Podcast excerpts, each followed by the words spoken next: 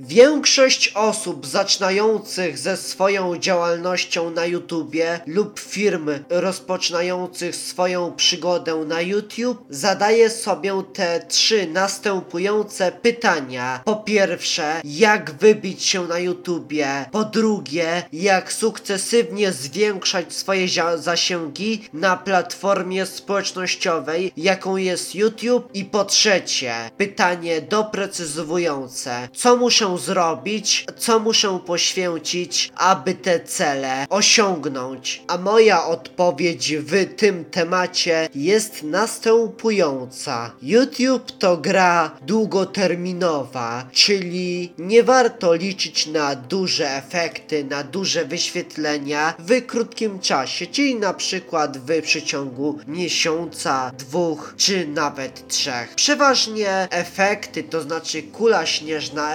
efektów wyświetleń i zasięgów zaczyna się toczyć po 6 miesiącach ciężkiej pracy, żmudnej pracy nad kanałem i nad filmami, ciągle poprawiając ich jakość, czy to w montażu, czy to w kamerze, czy to w hashtagowaniu, czy to w odpowiednim dopasowywaniu odpowiednich tematów do odpowiedniej grupy odbiorców. A i taka uwaga, ilość wyświetleń czy ilość, wielkość zasięgów zależy też głównie od twojego tematu, gdyż na przykład jeśli będziesz robił na przykład merytoryczny content na temat marketingu, no to będziesz miał o wiele mniejszą, znacznie mniejszą grupę odbiorców od na przykład twórcy, który robi typowo taki śmieszkowaty, dość taki żartobliwy, prankowy lub taki motywacyjny content. Merytoryka zawsze cieszyła się mniejszą popularnością, no gdyż to nie są materiały, które dają się rozluźnić. To są materiały, przy których trzeba się skupić, trzeba się trochę zastanowić. No mózg po prostu wtedy musi troszeczkę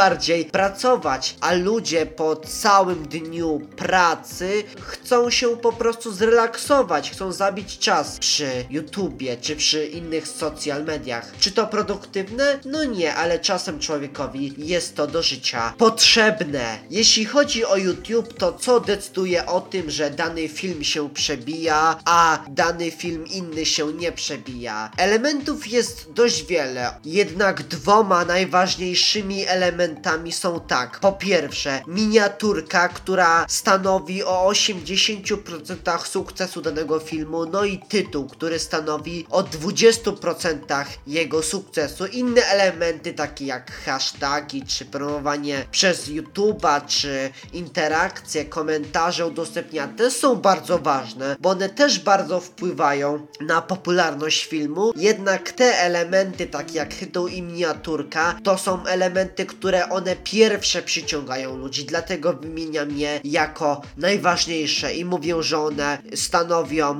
o sukcesie Twojego filmu. To dzięki nim najprawdopodobniej Twój film osiągnie duże zasięgi lub zwyczajne zasięgi lub się przebije do świadomości nowych osób. No ale w tym filmie nie będę poruszał tematu tytułów, zrobię to w innym odcinku. W tym odcinku pokażę Ci, to znaczy opowiem Ci, jak robić skuteczne i klikalne grafiki do filmów na YouTube. A, i dodam taki disclaimer, dlaczego masz mnie słuchać. Otóż ja na co dzień, tak po, można powiedzieć zawodowo, pomagam firmom, osobom, markom w prowadzeniu właśnie ich kanału na YouTube, czyli na przykład y, ja widzę jakiś potencjalny kanał, który można coś poprawić, piszę do osoby czy do firmy i robimy deala, lub firmy same się do mnie odzywają, które chcą wystartować z kanałem lub które chcą właśnie, żebym pomógł im w prowadzeniu na przykład kanału. No dobra, ale koniec tego gadania i lecimy do sedna. Po murzycce będzie merytoryka. Zapraszam do oglądania najpierw do wysłuchania muzyczki oczywiście. Stał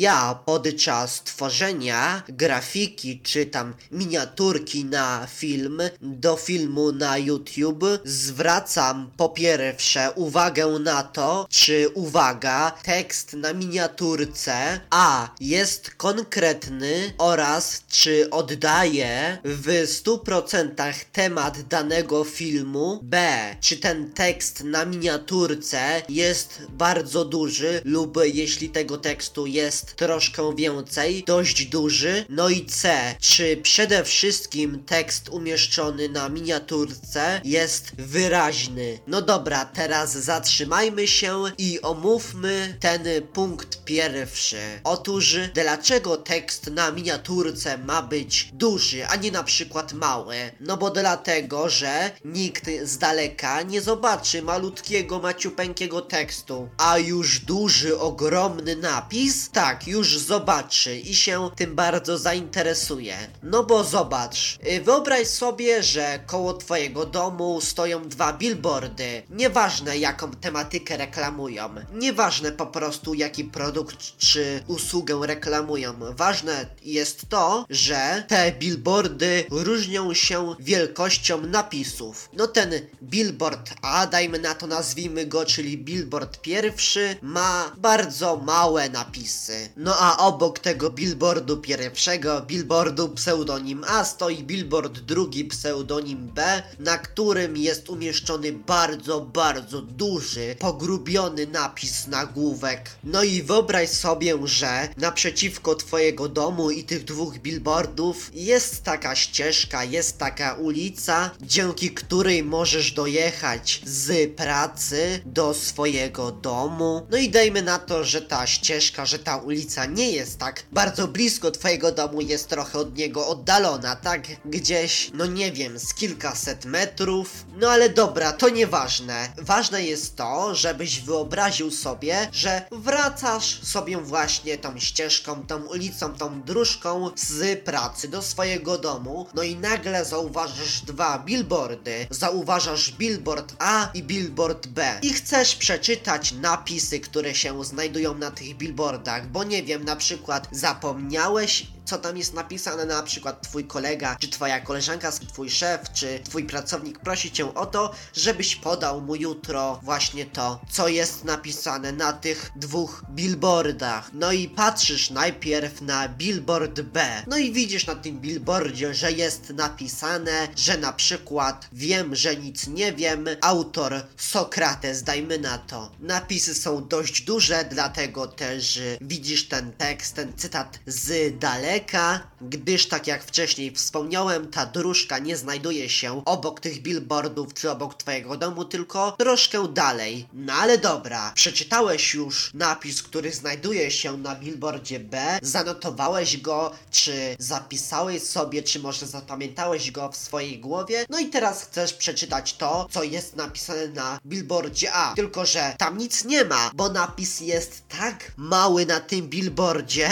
że, że z daleka wydaje się, że to jest po prostu biała kartka, a nie na przykład jakiś billboard reklamowy. Więc żeby przeczytać napis znajdujący się na tym billboardzie A, który ma bardzo, bardzo mały napis, musisz dojechać już do domu i do tego stopnia, że bierzesz drabinę i lupę po przyjeździe do domu i opierasz tą drabinę o billboard i wchodzisz na ten billboard, no i każdy zakątek tego billboardu sprawdzasz lupą, czy nie ma tam żadnego tekstu. No ale na szczęście znalazłeś jakiś tam tekst po godzinach trudnych poszukiwań. No i na tym billboardzie został nadany, został napisany taki napis. Uwaga, cytuję: Ty idioto, może napisałbyś mnie, czyli napis następnym razem w stukrotnej wielkości. Dobra, to był taki, słuchajcie, żarcik z przymrużeniem oka. Ha, ha, ha,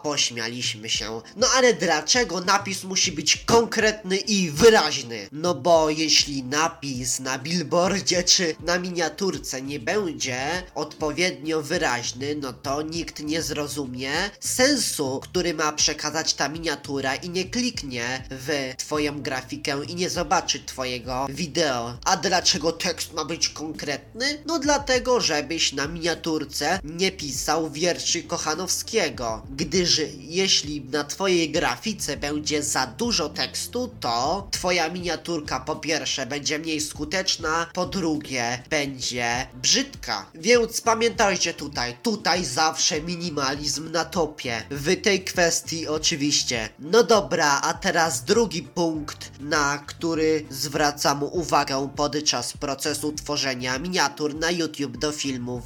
Otóż droga słuchaczko, czy drogi słuchaczu, sprawdź, czy na twojej miniaturce są pokazane emocje. Zależnie oczywiście od tematyki filmu, negatywne lub pozytywne. No ale jak pokazać emocje na miniaturce? No, jest wiele sposobów, ale podam ci jeden z przykładów. Na przykład można pokazać emocje na miniaturce w postaci jakiegoś obrazka, który nie kłóci się z tematyką filmu, a pokazuje daną emocję.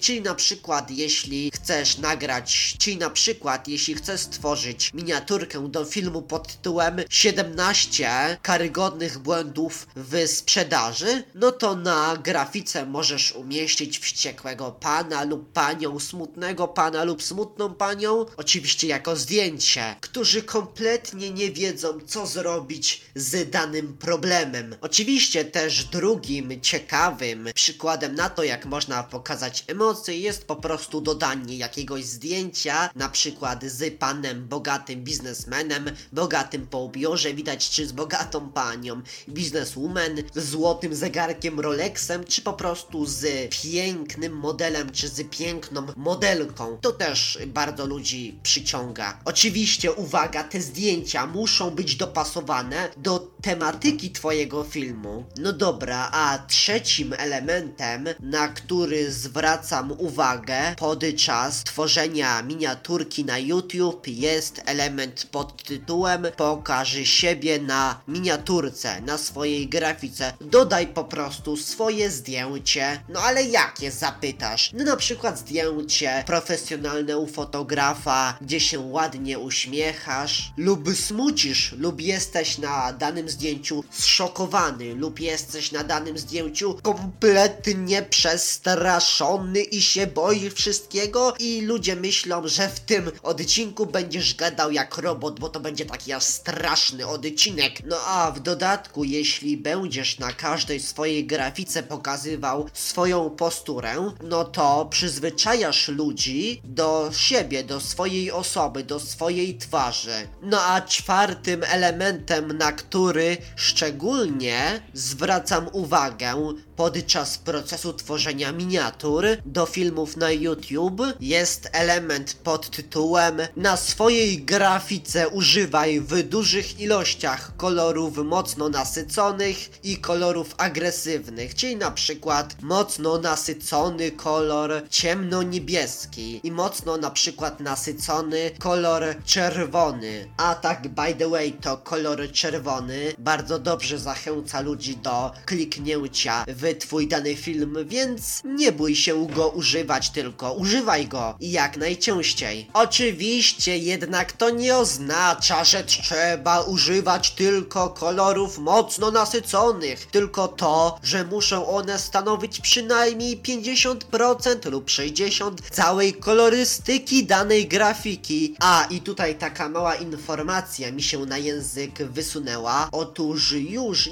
niedługo na mój kanał na YouTube wypuszczę film o tym, skąd brać kolory do swoich grafik. Dlaczego to pokażę na YouTube? No bo pokażę to w praktyce, gdzie będzie obraz, gdzie będziecie wszystko wszyściutko widzieć, więc koniecznie wejdź teraz na YouTube'a, oczywiście jak skończysz słuchać ten podcast, ten odcinek podcastu i zasubskrybuj kanał o nazwie Michal Michalos. Powtarzam, Michal Michalos. Gdyż na nim będą się pojawiać praktyczne materiały z zakresu YouTube'a, no i social mediów, także grafiki, no i kreatywności. Oczywiście wiedza przekazywana w podcaście jest i będzie praktyczna, jednak tam będę pokazywał swoje techniki, swoje eksperymenty, tak to powiem, na żywym trupie, na ciele, czyli z ekranem, gdzie będziecie mogli wszystko zobaczyć, co ja tam robię, jakich programów używam i jak wykonuję pewne operacje, pewne procesy. No dobra, a piątym elementem, takim dodatkowym elementem, na który zwracam uwagę podczas tworzenia miniatur do filmów na YouTube jest to, czy w twojej, czy w swojej grafice, zależnie od kontekstu, używam